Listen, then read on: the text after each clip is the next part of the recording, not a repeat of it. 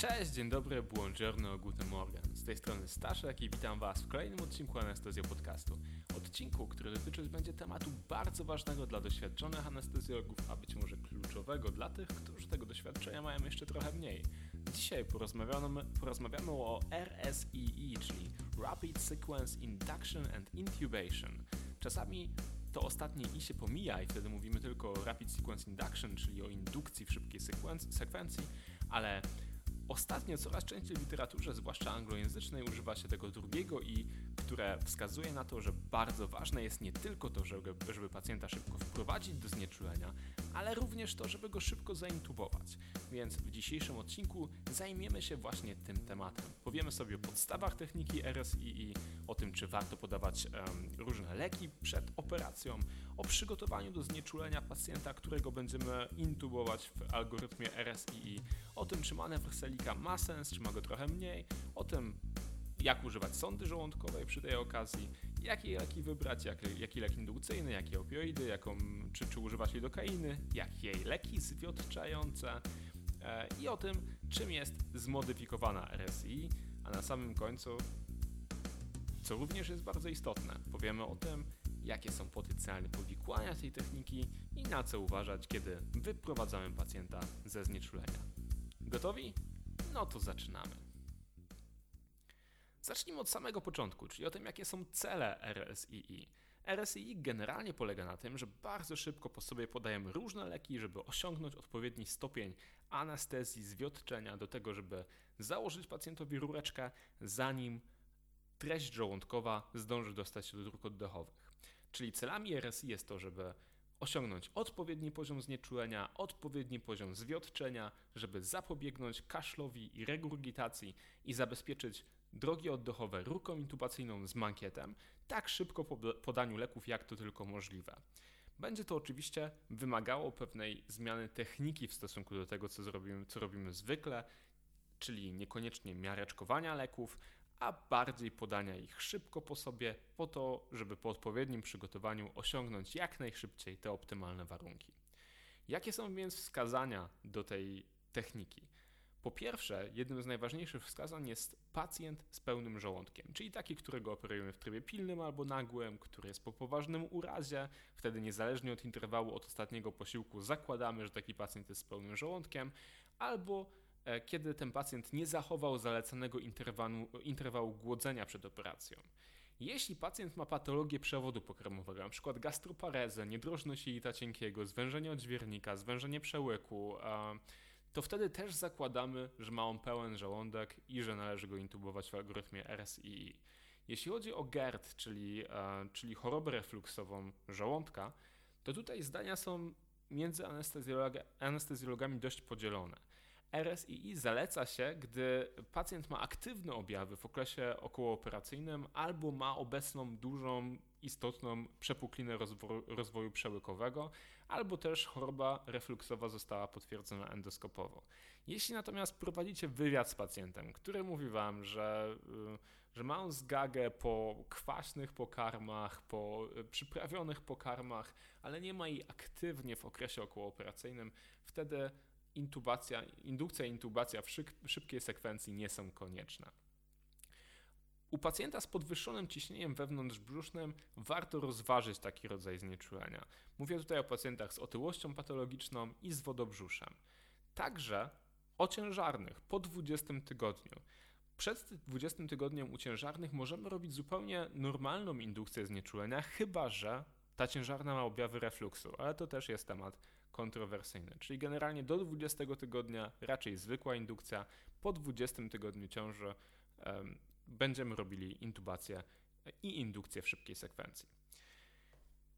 I teraz tak, sama decyzja o wykonaniu RSII musi być wyważona przeciwko ryzyku trudnej intubacji. Czyli jeśli mamy pacjenta, u którego teoretycznie dobrze by było zrobić RSII, bo ma on ewidentne wskazania do tego, ale spodziewamy się, że będziemy mieli u tego pacjenta trudne drogi oddechowe i patrzymy na niego i widzimy, że jest malampatii 4, że pacjent e, ma otwarcie ust 1 cm, że ma małą odległość między tą brudkowo-gnykową.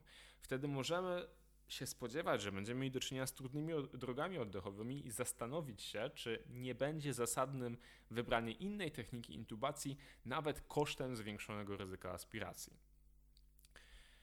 I jak przebiega samo RSI? Żeby zrobić tą intubację w szybkiej sekwencji, będziemy musieli przygotować pacjenta poprzez na przykład jego odpowiednie ułożenie.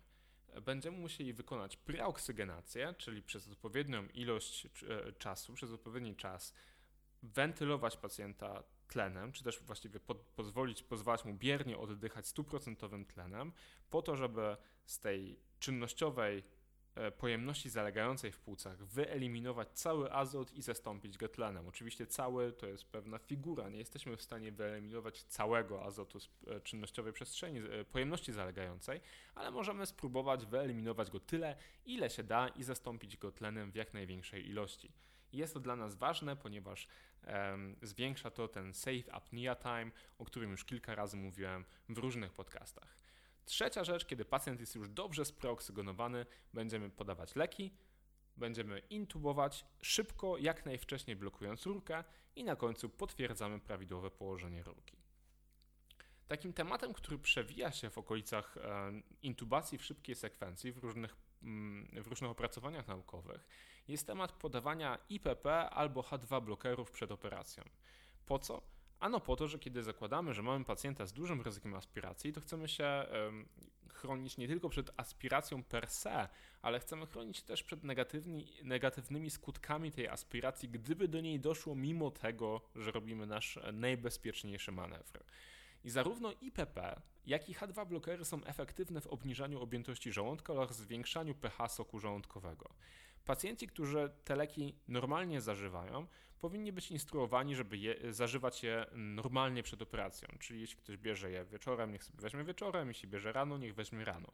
W przypadku IPP zażycie dwóch dawek przed operacją, czyli jednej wieczorem i drugiej e, rano w dzień operacji, jest skuteczniejsze niż pojedyncza dawka. W przypadku H2 blokerów najskuteczniejsze jest zażycie 3 godziny przed indukcją znieczulenia. Czyli jeśli już mamy takiego pacjenta, który jedno lub drugie bierze, to warto im przekazać, żeby brali te leki dalej. W przypadku IPP można się nawet zastanowić nad tym, żeby ten pacjent wziął jedną dawkę więcej niż bierze normalnie. Jeśli chodzi o przygotowanie do znieczulenia, to moim zdaniem i zdaniem wielu, którzy bardzo cenią sobie bezpieczeństwo w czasie znieczulenia, przygotowanie znieczulenia w sekwencji RSII to jest absolutnie kluczowa rzecz i musimy być gotowi na dużo e, rzeczy, które najprawdopodobniej prawie nigdy się nie staną i bardzo dobrze, że się nie dzieją. E, po pierwsze, konieczna jest ocena dróg oddechowych i e, o tym no, już mówiliśmy.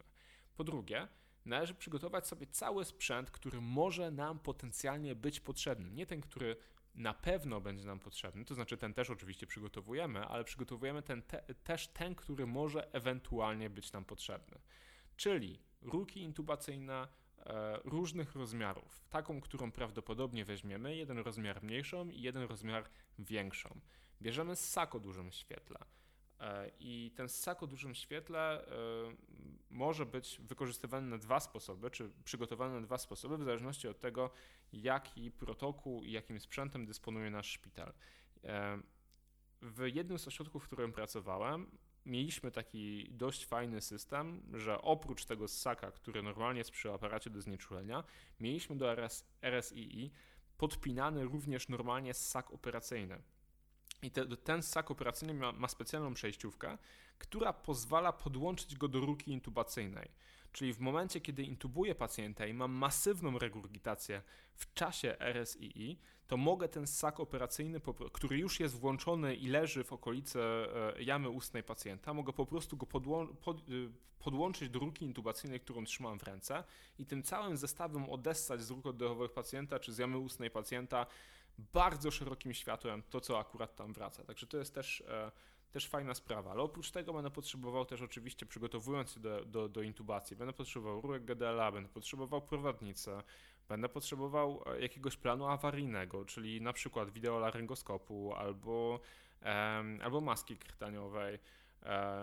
Ewentualnie jakiegoś worka i maski, żeby wentylować pacjenta, jeśli intubacja nie uda się od razu. Także um, Generalnie jeśli chodzi o ten punkt związany z przygotowaniem, to istnieje bardzo dużo różnego rodzaju checklist, czyli tych list kontrolnych, które pozwalają nam sprawdzić, czy mamy wszystko, co możemy mieć potrzebne do intubacji w szybkiej sekwencji. I taka, taka rzecz, która mnie bardzo ucieszyła, kiedy natknąłem się na nią pierwszy raz, kiedy przeglądałem czeluście internetu, to jest taka specjalna żółta plansza. I ta żółta plansza jest używana innymi w Australii przez zespoły ratownictwa medycznego i polega ona na tym, że, że macie taką foliową planszę, która normalnie rozkłada się e, na na przykład stoliku albo na, na ziemi w miejscu, gdzie będziemy prowadzili tą intubację i na tej e, planszy nie dość, że jest napisane w, w ramach listy po prostu wszystko, co będziemy potencjalnie potrzebować do tej intubacji, to mamy też graficznie w różnych miejscach tej folii nadrukowane e, kształty różnych urządzeń, których będziemy potrzebowali. Czyli na przykład mam nadrukowany na czarno kształt ruki intubacyjnej rozmiaru 8 i kształt ruki intubacyjnej rozmiaru 7,5. I ratownik, który przygotowuje cały zestaw do intubacji, po prostu bierze poszczególne rzeczy i odkłada je w tym miejscu na tej żółtej folii. Ja wiem, że dość trudno jest sobie to zwizualizować, ale kiedy wejdziecie na stronę laryngoskopu, to we wpisie, który towarzyszy temu podcastowi, zobaczycie, że wkleiłem po prostu zdjęcie tego, jak to wygląda. Uważam, że to jest absolutnie super rzecz i być może w warunkach bloku operacyjnego, gdzie mamy trochę więcej zwykle, mimo wszystko czasu na to, żeby przygotować się do RSI, to nie jest to aż tak nie, nie, ma to aż tylu zalet w porównaniu ze zwykłą checklistą, ale w przypadku SOR-u albo w przypadku, e, w przypadku karetki to jest absolutnie fenomenalna rzecz. I polecam Wam, żebyście zobaczyli o co chodzi, bo jest to po prostu bardzo fajna, fajna sprawa. Jeśli chodzi o ułożenie pacjenta, to e, generalnie szczególnie u otyłych pacjentów wiecie na pewno sami, że bardzo jest istotne to, jak ułożymy pacjenta do intubacji. Ponieważ intubacja w szybkiej sekwencji musi zdarzyć się szybko, to staramy się ułożyć pacjenta od razu tak, żeby leżał jak najoptymalniej.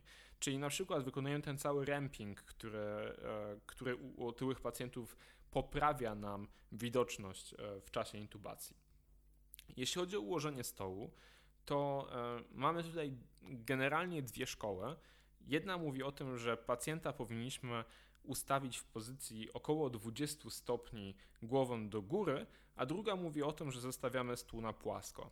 Ja osobiście uważam, że, że 20 stopni głową do góry jest dobrą opcją, dlatego że będzie dzięki grawitacji zmniejszać trochę chociaż ryzyko, że, że zawartość żołądka pójdzie do góry. E, natomiast ci, którzy mówią o tym, że, że pacjent powinien leżeć na płasko, jako argument podają, że jeśli pacjent zacznie regurgitować w czasie preoksygenacji albo w czasie indukcji, to możemy szybciej przestawić stół do pozycji Trendelenburga i odwrócić głowę na bok, co ułatwi nam odsysanie. Uważam, że to też jest super argument i, um, jeśli dysponujemy e, stołem, który możemy chociażby w warunkach bloku operacyjnego szybko w te czy we w te odwracać, to wtedy te 20 stopni głową w górę nie, nie robi aż takiej różnicy, bo i tak jestem w stanie pozycję Trendelenburga osiągnąć w ciągu kilku sekund. Natomiast jeśli mamy do czynienia z, e, z łóżkiem pacjenta, które się trudno przestawia, to to może być wtedy faktycznie rzecz, która zajmuje więcej czasu i uzyskanie Trendelenburga może być szybsze z pozycji płaskiej. Więc wszystko zależy też od tego, jaki, jakim stołem, czy właściwie na czym tego pacjenta będziemy intubować e, i to jest kwestia trochę indywidualnego oszacowania. Ale ważne jest to, żeby zwrócić uwagę na to, że jeśli już pacjent zacznie regurgitować, to naszym zadaniem jest nie dopuścić do tego, że treść pokarmowa przedostanie się do dróg oddechowych. I najskuteczniej zrobimy to w ten sposób, że tego pacjenta ułożymy głową do dołu, bo wtedy zamiast do dróg oddechowych treść pokarmowa będzie wypływać przez jamę ustną na zewnątrz. I my temu wypływaniu oczywiście pomagamy w ten sposób, że odsysamy temu pacjentowi wypływającą treść pokarmową.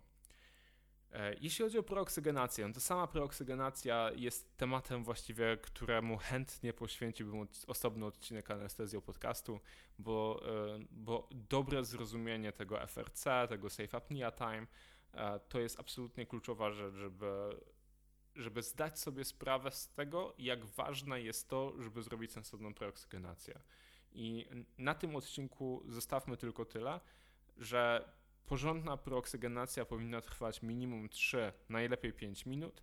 Natomiast w bardzo krytycznych sytuacjach wystarczy, że pacjent weźmie kilka maksymalnych wdechów, po których robi maksymalny wydech. Tak? Czyli dajemy mu przez kilka oddechów zrobić maks do środka, maks na zewnątrz, po czym możemy zaczynać z indukcją. Natomiast jest to postępowanie awaryjne, ratunkowe, w, w, typowym postępowaniu, na które zwykle w 99,9% sytuacji, w których musimy zrobić RSII, mamy czas na takie postępowanie, ściśle, czyli dobrze przylegającą maskę przykładamy pacjentowi przed, przed buźkę i dajemy mu oddychać przez kilka minut.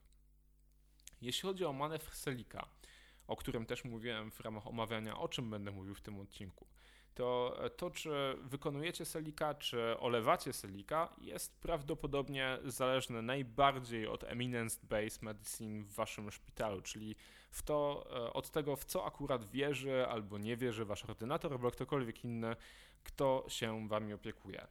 E, I generalnie prawda jest taka, że co do manewru selika nie mamy specjalnie dobrych danych i trudno jest powiedzieć, e, czy jest to manewr skuteczny, czy nie. E, natomiast e, manewrowi Selika poświęciłem też jeden z pierwszych w ogóle wpisów na stronie facebookowej Laryngoskopu, do którego to wpisu też Was e, odsyłam. Możecie znaleźć odnośnik do niego na stronie laryngoskop.eu we wpisie, który towarzyszy temu podcastowi. Natomiast co do samego manewru Selika, to chciałbym Wam bardzo mocno polecić fantastyczny anglojęzyczny podcast, który nazywa się Depth of Anesthesia, czyli głębokość znieczulenia. I e, w chyba pierwszym albo drugim odcinku tego, mm, tego podcastu chłopacy, które się nim zajmują, zrobili fantastyczne omówienie wszystkich ważnych danych, które mamy dotyczące, które, które dotyczą manewru Selika i które mm, na tamten moment były w ogóle w przestrzeni e, PubMedu dostępne.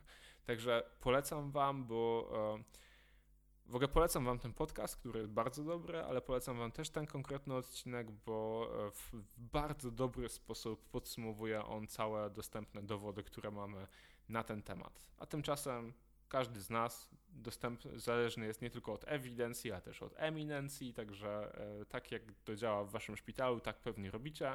E, I może po prostu tak róbcie, bo niezależnie od tego, czy robicie selika, czy nie, to możecie znaleźć dowody, które to popierają. Jeśli chodzi o sondę żołądkową, tutaj też, no co do tego też jest dużo mitów i legend. Natomiast e, prawda jest taka, że niektórzy lekarze zakładają sondę żołądkową przed indukcją u pacjenta z jakąś obstrukcją. Drugą prawdą jest to, że sonda może upośledzać funkcję zwieraczy, zwieraczy przełyku. Natomiast dwa badania kadawerowe sugerują, że manewr Selika może skutecznie zamknąć przełyk nawet przy obecności sondy żołądkowej. E, a sonda żołądkowa pozostawiona in situ może pomóc w identyfikacji przełyku i zmniejszyć ryzyko intubacji przełyku. I takie są dane, które mamy. Mi mówiono, kiedy to, to, był, to było eminence-based medicine w moim szpitalu, kiedy uczyłem się pierwszy raz robić RSI, to mówiono mi, że sondę żołądkową koniecznie trzeba koniecznie trzeba usunąć przed indubacją w sekwencji RSI, ponieważ może ona stanowić taką szynę, właśnie upośledzając funkcję zwieraczy przełyku, po której łatwiej będzie wydostać się zawartości żołądka do góry i wtedy będzie łatwiej o aspirację.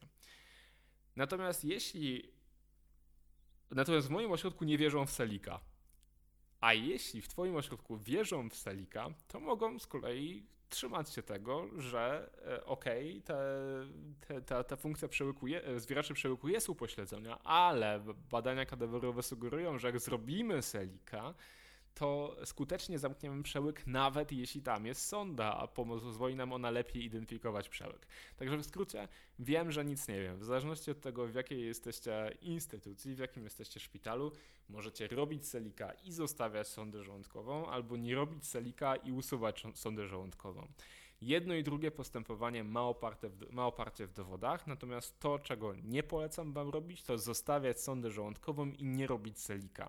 Jakby taka sytuacja powoduje faktycznie, że upośledzona funkcja zwieraczy przełyku mm, nie, e, której nie kontrujemy uciskiem na chrząstkę pierścieniowatą, może faktycznie torować drogę treści żołądkowej.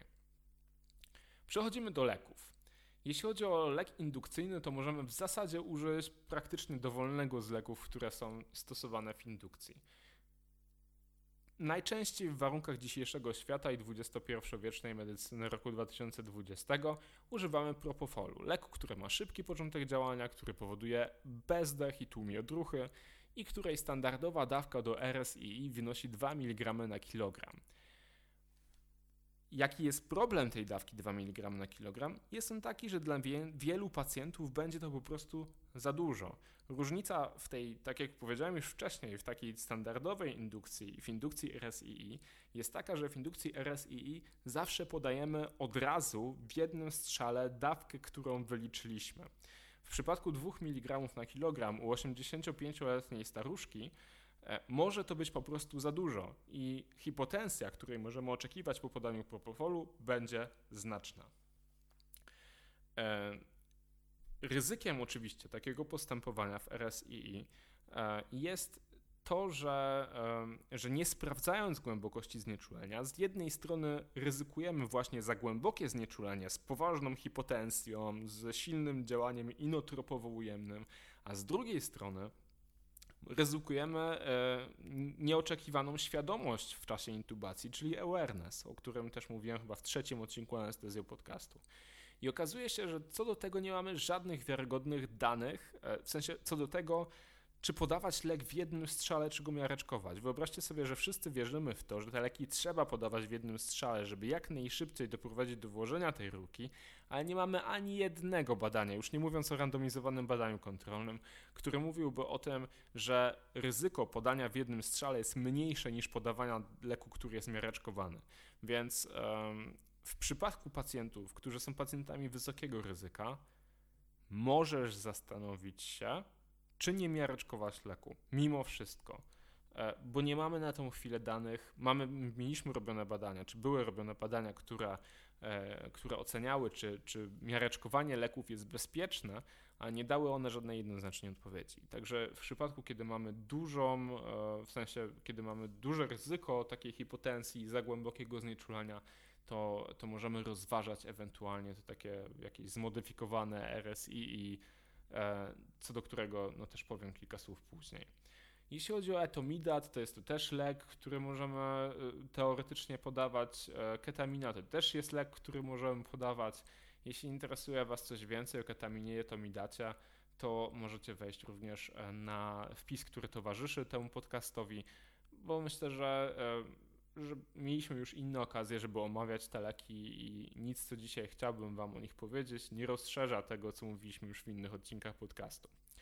Jeśli chodzi o opioidy, to generalnie podanie opioidu jest dobrym planem.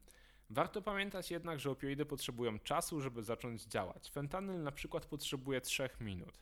Więc rozsądnie jest generalnie podać taki lek już na początku preoksygenacji, Oczywiście tutaj też różne osoby będą miały różne teorie na ten temat. I zachęcam Was przede wszystkim do postępowania zgodnie z protokołem, który obowiązuje u Was w szpitalu, zgodnie z tym, w co wierzy ordynator. Natomiast e, tutaj też faktycznie niektórzy, chociaż nie znalazłem to żadnych dowodów, niektórzy uważają, że podanie e, opioidu na początku preoksygenacji powoduje no, zwiększone ryzyko regurgitacji w czasie preoksygenacji, czyli jeszcze przed podaniem propofolu. Ja nie znalazłem takich badań, to nie znaczy, że ich nie ma, to znaczy, że ich nie znalazłem. Czy wierzę w to, że tak jest? Niespecjalnie, ale to jest moja własna opinia, która jest niepoparta żadnymi do, dowodami naukowymi, a ja nie uważam się na, za eminencję, więc na mojej eminencji proszę medycynę nie bazować. Kolejnym lekiem, który niektórzy podają przy, przy RSI, to jest w sumie sprawa, której, e, którą znalazłem dopiero przygotowując ten podcast, bo żadnej, w żadnym ze szpitali, w których pracowałem, tego się nie robiło, jest lidokaina. Lidokaina podawana e, dożylnie 2 minuty przed intubacją w dawce od miligrama do 1,5 mg na kilogram. Osłabia odpowiedź współczułą na ryngoskopię i otwór kaszlowy i może zapobiec przejściowemu wzrostowi ciśnienia wewnątrzczaszkowego, może mu też nie zapobiegać, dane są jednoznaczne. ale lidokaina sama w sobie może też powodować hipotensję, więc połączenie lidokainy i propofolu w tej dawce wyliczonej u osoby, która jest podatna ewentualnie na hipotensję, może jeszcze tą hipotensję po, intub- po intubacji czy po indukcji znieczulenia pogłębić. Także też jest to lek do stosowania ostrożnego. Absolutnie nie jest on lekiem nieodzownym podczas RSII i można przeprowadzić bezpieczną RSII bez lidokainy. Jeśli chodzi o środki zwiotczające, to generalnie mamy dwa główne, dwa główne zwioty, których używamy. Pierwszym zwiotem jest sukcynyloholina, czyli jedyny dostępny klinicznie przedstawiciel depolaryzujących środków zwiączających mięśnie. Podajemy sukcynylocholinę w dawce od 1 do 1,5 mg na kilogram i daje ona nam doskonałe warunki intubacyjne w ciągu 30 do 60 sekund. E, praktyczne postępowanie moje jest takie, że kiedy trzymam maskę w czasie preoksygenacji u pacjenta, wcześniej podałem opioid e, w, i w momencie indukcji podaję propofol i od razu, e, nie czekając na rozpoczęcie działania propofolu, podaję sukcynylocholinę w dawce od miligrama do 1,5 mg na kilogram i nie ściągam maski z pacjenta. W sensie pacjentowi cały czas zostawiam tą maskę tą maskę do preoksygenacji na buzi i dopiero kiedy zakończą się fascykulacje, czyli po 30 do 60 sekundach, tą maskę ściągam i przechodzę do intubacji. I myślę, że, e, że to jest sensowne rozwiązanie, tak zostałem nauczony, e, bo też no, zapobiega temu, że będziemy mieli e, jakieś uszkodzenia, które są związane z tym, że pacjent będzie fascykulował w czasie, kiedy my zajmujemy się już na przykład laryngoskopią. Problemem sukcynolocholiny jest po pierwsze to, że może ona podwyższać ciśnienie śródbrzuszne, któremu i, i temu podwyższeniu ciśnienia śródbrzusznego możemy zapobiegać przed, przez podanie tzw. Tak dawki defascykulacyjnej albo dawki prekuraryzującej leku niedepolaryzującego. E, ale wtedy należy zwiększać dawkę sukcynolocholiny do 1,5 do 2 mg na, na kilogram. O prekuraryzacji e, nie będę mówił dużo, ale powiem tylko tyle, że największy problem w e, ośrodkach, które widziałem, które, e, który jest związany z tą dawką defascykulacyjną, czyli prekuraryzacją, jest to, że podaje się jej za dużo, bo zgodnie z, z tym, co wystarcza, ale też z podręcznikami, powinna ona wynosić 10% ED95. I to oznacza na przykład 2 mg dla rokuronium, 2 mg dla atrakurium, pół mg dla cisatrakurium. E, także podanie dyszki trakrium, bo e, tak często widziałem w, pre, w prekuraryzacji, bo tak łatwiej się dawkuje, może powodować, że u tego pacjenta już w czasie przed indukcją znieczulenia e, pojawią się objawy zwiotczenia, jakiś dyskomfort, oporność na sukcynylocholinę, która jest później związana z, ze znacznym zwiększeniem efektywnej dawki, czyli tak jak mówię, trzeba zwiększyć wtedy tę dawkę sukcynylocholiny do przynajmniej 1,5 do 2 mg na kilogram masy ciała. Jeśli chodzi o sukcynylocholinę, na czerwono podkreślam uwaga na przeciwwskazania.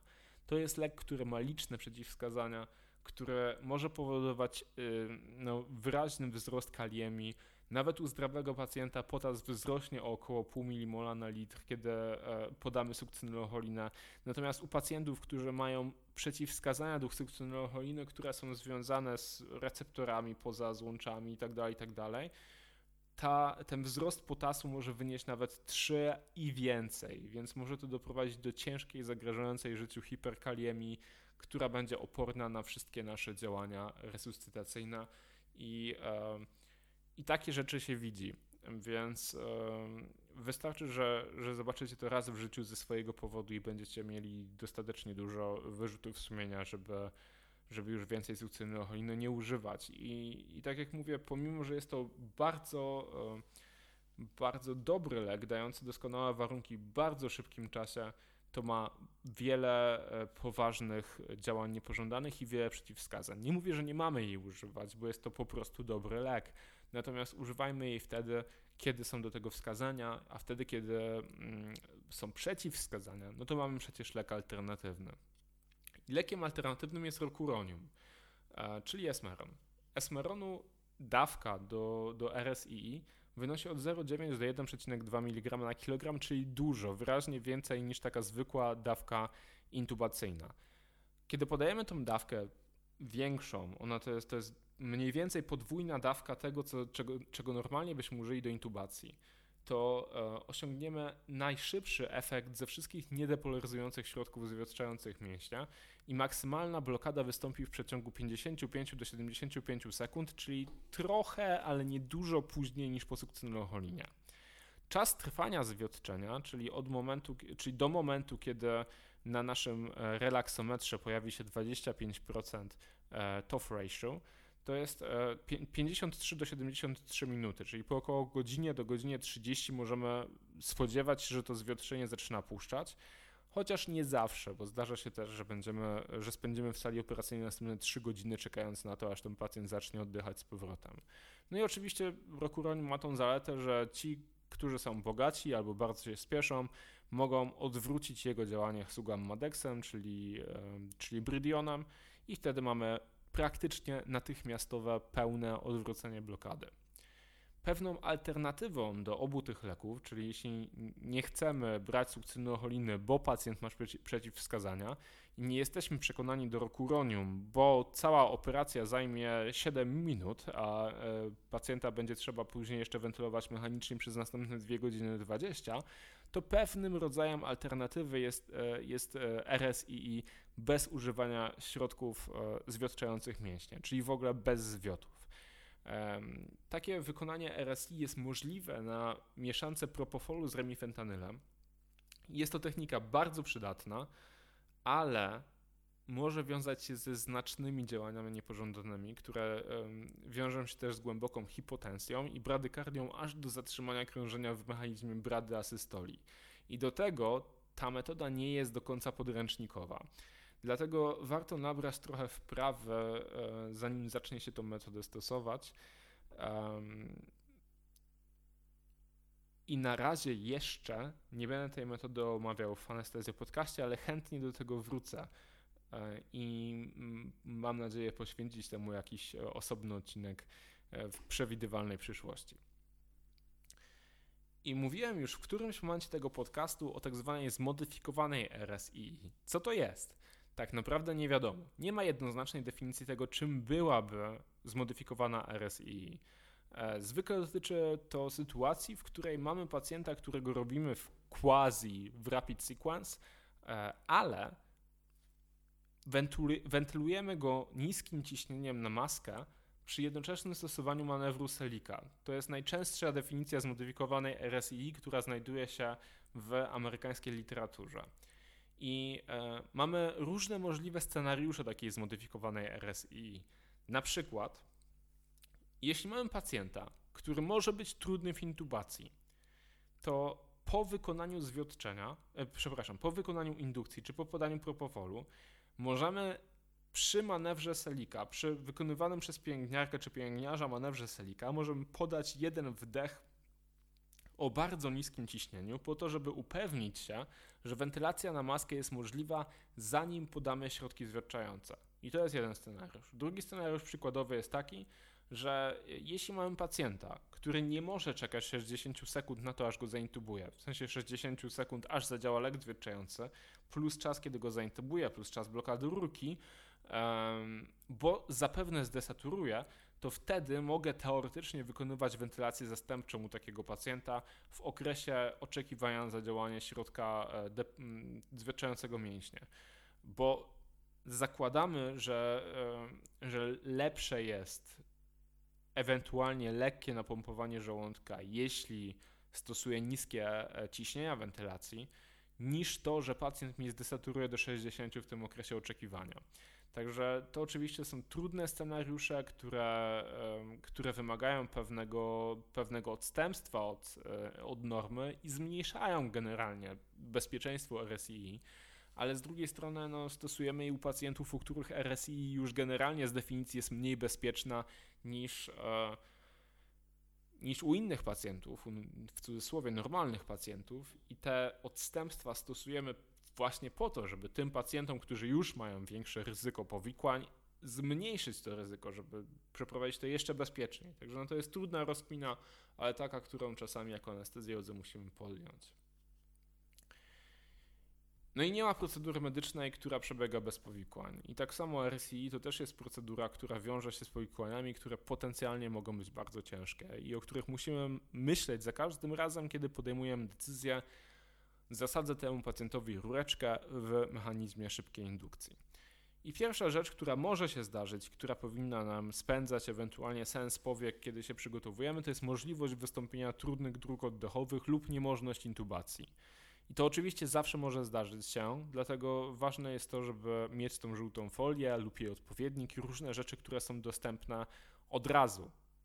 Czyli musimy być świadomi tego, że może być tak, że pacjent będzie miał trudne drogi oddechowe, czego nie przewidzieliśmy i wtedy nie ma czasu na to, żeby, zwłaszcza, że RSI często wykonujemy w nocy, kiedy mamy ograniczone możliwości y, personalne, kiedy nie mamy drugiego anestezjologa do pomocy, jest jedna pielęgniarka, nie ma czasu na to, żeby latać po całym szpitalu i zbierać sprzęt, który może być potrzebny.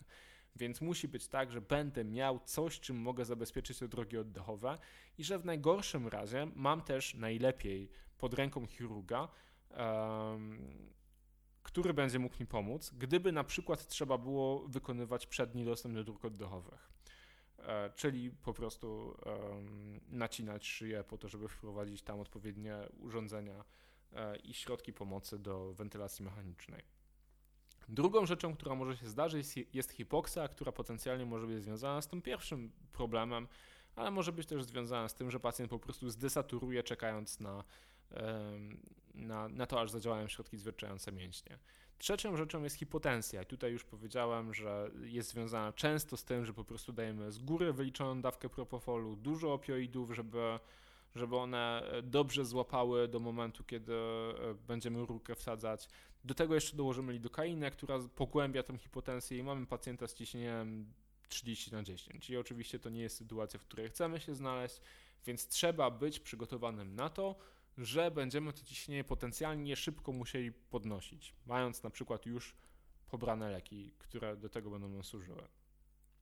Czwartą rzeczą i piątą, która jest z nią związana, jest regurgitacja i aspiracja, czyli musimy być przygotowani na to, że pacjent może nam się w czasie intubacji po prostu regurgitować, więc musimy mieć sak, który jest już włączony, który leży koło głowy pacjenta i który jest przygotowany do tego, również przez to, że, że ma podłączony cewnik od najdłuż, naj, naj, największej możliwej średnicy do tego, żeby odessać dużą ilość treści pokarmowej. I teraz jeśli chodzi o wyprowadzanie ze znieczulenia, to pamiętajcie tylko o jednym zdaniu. Pacjent o wysokim ryzyku aspiracji przy indukcji znieczulenia ma także wysokie ryzyko aspiracji przy wyprowadzaniu ze znieczulenia. Więc do rozważania lub zalecane jest odessanie żołądka przed ekstubacją. Ekstubujemy pacjenta dopiero kiedy powrócą odruchy obronne i reaguje on na polecenia i najlepiej by było, gdybyśmy mieli możliwość transportu pacjenta na salę wyłudzeń w takiej pozycji, żeby górna połowa ciała była uniesiona, żeby grawitacja nam pomagała, nie przeszkadzała. I na tym dzisiaj skończymy. Powiedzieliśmy sobie o tym, czym jest RSII, w jaki sposób się do tego przygotować, jakie leki wybrać, e, jakie rzeczy są nam potrzebne. Mówiliśmy trochę o, o IBP i o H2 blokerach i o tym, w jaki sposób można modyfikować nasze RSI i jakie są możliwe powikłania. Życzę Wam, żeby wszystkie robione przez Was manewry były bezpieczne i żeby Wasi pacjenci byli po wszystkim wybudzeni, zadowoleni i przede wszystkim zdrowi. To już wszystko w dzisiejszym odcinku. Anestezja Podcast i ja, Staszek. Dziękujemy za to, że wysłuchaliście nas po raz kolejny i w tych trudnych czasach koronawirusowej pandemii życzę Wam dużo siły i dużo motywacji, żebyście nie tylko dalej prowadzili swoje znieczulenia, nie tylko dalej leczyli swoich pacjentów, ale żeby nie zabrakło Wam motywacji do tego, żeby po prostu dalej się kształcić. I w tych trudnych czasach trzymajcie się Miejcie siłę. Pamiętajcie, że to, co robicie, jest ważne. Do usłyszenia.